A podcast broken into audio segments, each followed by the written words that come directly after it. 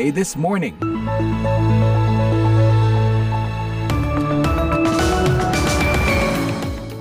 Hai selamat pagi, VOA This Morning kembali menyapa Anda pagi ini dari Studio 17 VOA di Washington DC live bersama saya Rifan Dwi Astono.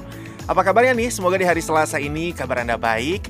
Anda juga sudah kembali apa ya dari suasana weekend yang rileks sekarang sudah produktif lagi lah istilahnya. nah di hari ini hari Selasa tanggal 20 Juni 2023 seperti biasa redaksi VOA sudah menyiapkan serangkaian berita hangat untuk Anda. Di antaranya Presiden Tiongkok Xi Jinping memuji kemajuan dalam pembicaraan dengan Menteri Luar Negeri Amerika Serikat Antony Blinken di Beijing. Kedua belah pihak sepakat untuk menindaklanjuti kesepahaman bersama antara Presiden Biden dan saya sewaktu di Bali.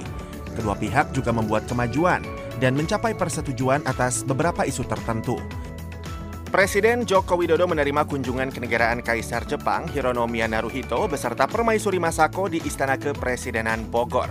Saya merasa sangat-sangat terhormat karena Indonesia menjadi tujuan pertama kunjungan kenegaraan bilateral Kaisar Jepang ke luar negeri.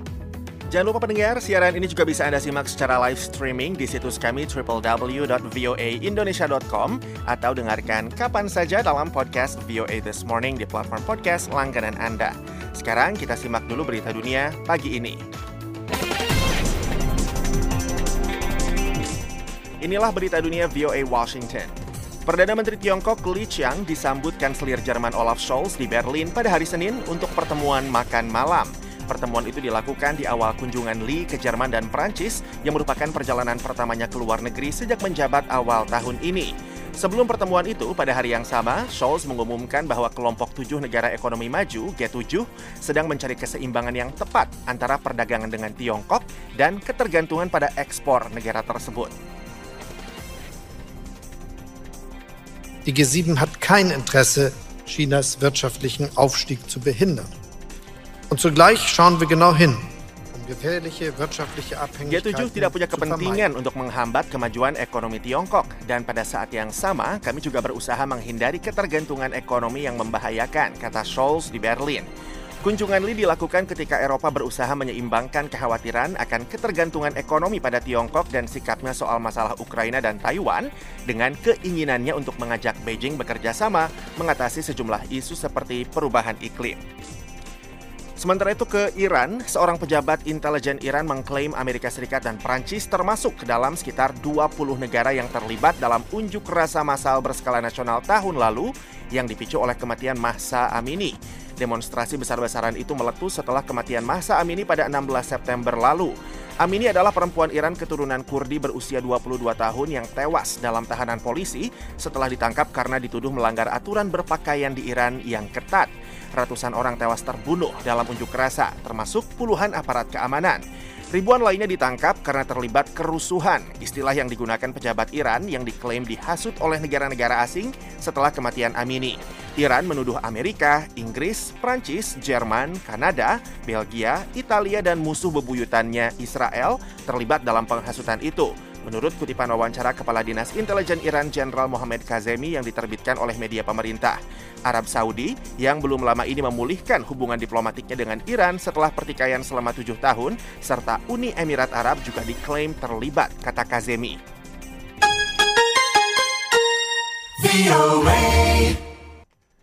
Para pendonor internasional pada hari Senin menjanjikan bantuan kemanusiaan senilai hampir satu setengah miliar dolar atau sekitar 22 triliun rupiah bagi Sudan dan wilayah sekitarnya.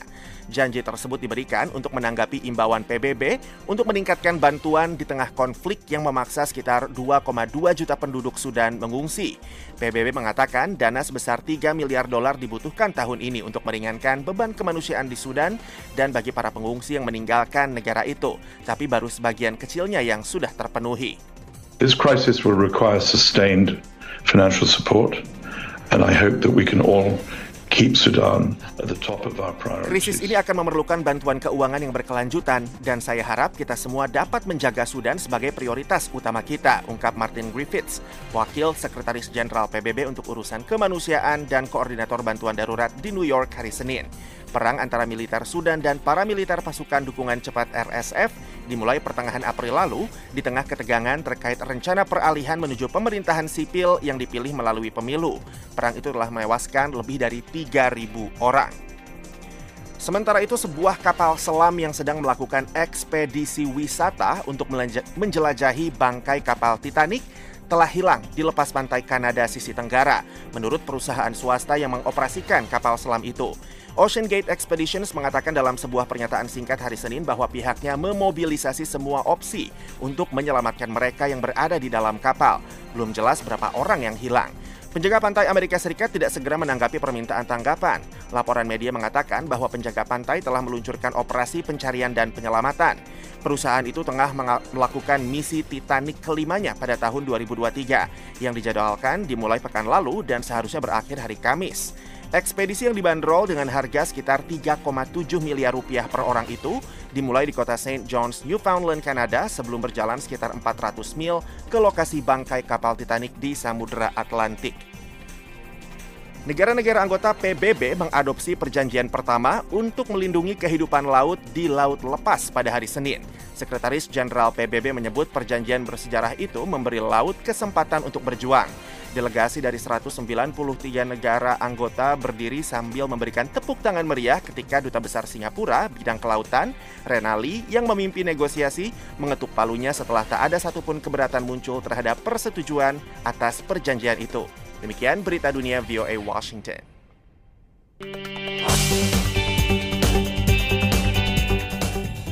VOA This Morning, Presiden Tiongkok Xi Jinping memuji kemajuan dalam pembicaraan dengan Menteri Luar Negeri Amerika Serikat Antony Blinken di Beijing pada hari Senin. Berikut laporan selengkapnya.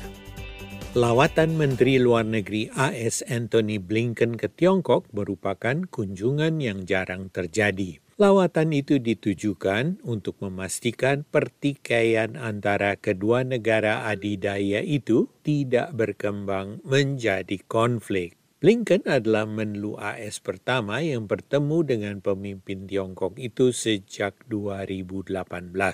Ia sebelumnya berjalan mendekati Xi dengan mengulurkan tangannya di Aula Besar Rakyat, sebuah tempat yang oleh Tiongkok sering digunakan untuk menyambut kepala negara. Perkembangan tersebut merupakan sinyal positif dalam koreografi diplomasi. Xi Jinping mengatakan, Kedua belah pihak sepakat untuk menindaklanjuti kesepahaman bersama antara Presiden Biden dan saya sewaktu di Bali. Kedua pihak juga membuat kemajuan dan mencapai persetujuan atas beberapa isu tertentu. Ini perkembangan yang sangat baik. Blinken mengatakan kepada Xi, Presiden Joe Biden yakin Washington dan Beijing memiliki kewajiban untuk mengelola hubungan mereka ditambahkan oleh Blinken. Uh,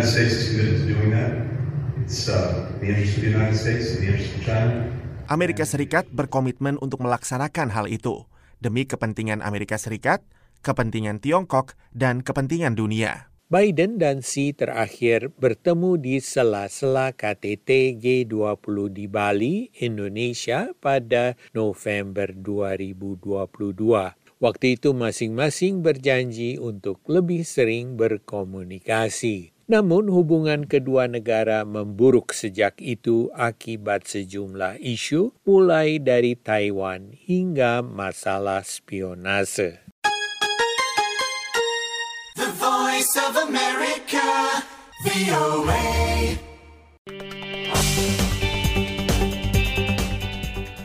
Menjelang Hari Pengungsi Sedunia pada 20 Juni, PBB merilis laporan yang menyebutkan bahwa jumlah orang yang terpaksa mengungsi mencatatkan rekor 110 juta jiwa.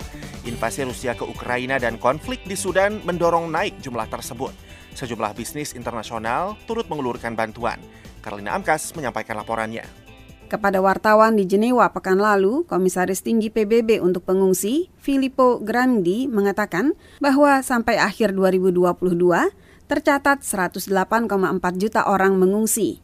Jumlah itu naik 19 juta dari tahun sebelumnya karena invasi Rusia ke Ukraina dan kini menjadi 110 juta dengan adanya konflik di Sudan. We have 110 million people that have fled because of conflict. Terdapat 110 juta orang yang mengungsi karena konflik, persekusi, diskriminasi, kekerasan yang sering kali bercampur dengan motif lain, khususnya dampak perubahan iklim. Sekjen PBB Antonio Guterres Senin memaparkan situasi di Sudan. Ia mengimbau negara-negara agar meningkatkan janji bantuan untuk Sudan, di mana konflik antara faksi-faksi militer yang bersaing telah memaksa sekitar 2,2 juta orang mengungsi dan memicu krisis kemanusiaan yang besar. The scale and speed of Sudan's descent into death and destruction is unprecedented. Skala dan kecepatan terjerumusnya Sudan ke kematian dan kehancuran belum pernah terjadi. Tanpa dukungan internasional yang kuat, Sudan bisa dengan cepat menjadi tempat pelanggaran hukum memancarkan ketidakamanan di seluruh wilayah. Tanpa menyebut nama negara, Grandi menyuarakan keprihatinan akan aturan yang lebih tegas dalam menerima pengungsi, bahkan penolakan. Namun, ia optimistis atas kesepakatan yang dicapai Menteri-Menteri Uni Eropa pekan lalu tentang tanggung jawab bersama untuk migran dan pengungsi. Perusahaan multinasional antara lain Amazon, Marriott, Hilton berjanji mempekerjakan lebih dari 13.000 perempuan Ukraina dan pengungsi lainnya di Eropa dalam tiga tahun ke depan. Lebih dari 40 perusahaan Senin mengatakan akan mempekerjakan menghubungkan ke pekerjaan atau pelatihan total 250 ribu pengungsi dengan 13.680 dari mereka mendapatkan pekerjaan langsung di perusahaan-perusahaan tersebut.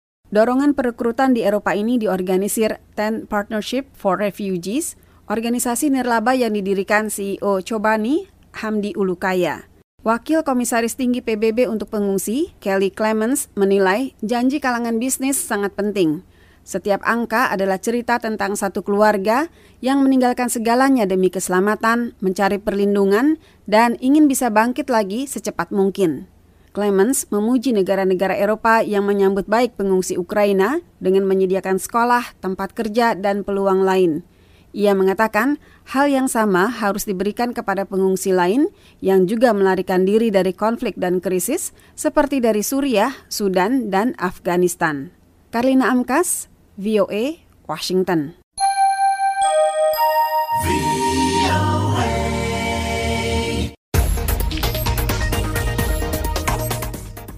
Kita beralih ke berita dalam negeri. Presiden Joko Widodo menerima kunjungan kenegaraan Kaisar Jepang Hironomiya Naruhito beserta Permaisuri Masako di Istana Kepresidenan Bogor, Jawa Barat hari Senin. Kita Intan melaporkan dari Jakarta. Indonesia merupakan negara pertama yang dikunjungi oleh Kaisar Jepang Hironomiya Naruhito beserta Permaisuri Masako sejak naik tahta pada Mei 2019. Presiden Jokowi yang menerima lawatan tersebut dengan didampingi Ibu Negara Iriana Jokowi merasa sangat terhormat. Saya merasa sangat-sangat terhormat karena Indonesia menjadi tujuan pertama kunjungan kenegaraan bilateral Kaisar Jepang ke luar negeri. Kunjungan Sri Baginda Kaisar beserta Sri Baginda Permaisuri ke Indonesia semakin memperkokoh fondasi persahabatan di antara masyarakat kita. Menurutnya, penguatan hubungan bilateral sekaligus persahabatan antar kedua negara sangat dibutuhkan bagi pengembangan kemitraan strategis, terutama dalam bidang ekonomi. Dalam kesempatan yang sama, Kaisar Naruhito mengaku sangat senang memenuhi undangan dari Jokowi untuk mengunjungi Indonesia. Kaisar Naruhito yang mendarat di Indonesia sejak akhir pekan lalu mengaku bahwa dalam kunjungan kali ini pihaknya bisa lebih memperdalam lagi tentang masyarakat dan budaya yang beragam serta sejarah Indonesia. Kaisar Naruhito pun menginginkan kerjasama kedua negara terutama dalam hal pertukaran pemuda-pemudi dapat terus diperkuat. Pengamat hubungan internasional dari Universitas Pajajaran, Rizky Ramadan memahami mengapa Kaisar Naruhito memilih Indonesia sebagai negara pertama yang dikunjunginya setelah naik tahta. Ia menilai bahwa Jepang ingin memperkuat pengaruhnya di Indonesia. Mengingat selama ini pengaruh negara lain, baik dalam bidang budaya dan investasi, lebih kuat dalam beberapa tahun terakhir. Nah, normatifnya Jepang ingin memperkuat hubungannya dengan Indonesia tentu apalagi kecenderungan-kecenderungan beberapa tahun terakhir yang di mana dominasi dalam tanda kutip agak renggang ya. Tidak negatif tapi intinya Indonesia banyak bekerja sama dengan negara-negara yang yang notabene-nya bukan Jepang gitu. Misalnya China, Rusia itu. Dari sudut pandang Jepang jelas ini membuat kekhawatiran lah. Harapan Kaisar Jepang yang menyebutkan ingin memperkuat pertukaran pemuda-pemudi atau kaum muda antar kedua negara ini, kata Rizky menyiratkan sebuah makna. Menurutnya, Kaisar menginginkan adanya pengaruh Jepang yang kuat di generasi muda Indonesia. Menurutnya dalam jangka panjang, ini akan mempermudah investasi Jepang di Indonesia. Selain itu, ia menduga ungkapan Kaisar Naruhito yang menginginkan peningkatan kerjasama pertukaran pemuda-pemudi ini dilakukan untuk menghindari sentimen negatif dari negara-negara yang selama ini intens bekerja sama dengan Indonesia. Dari Jakarta, Gita Intan melaporkan untuk VOA Washington.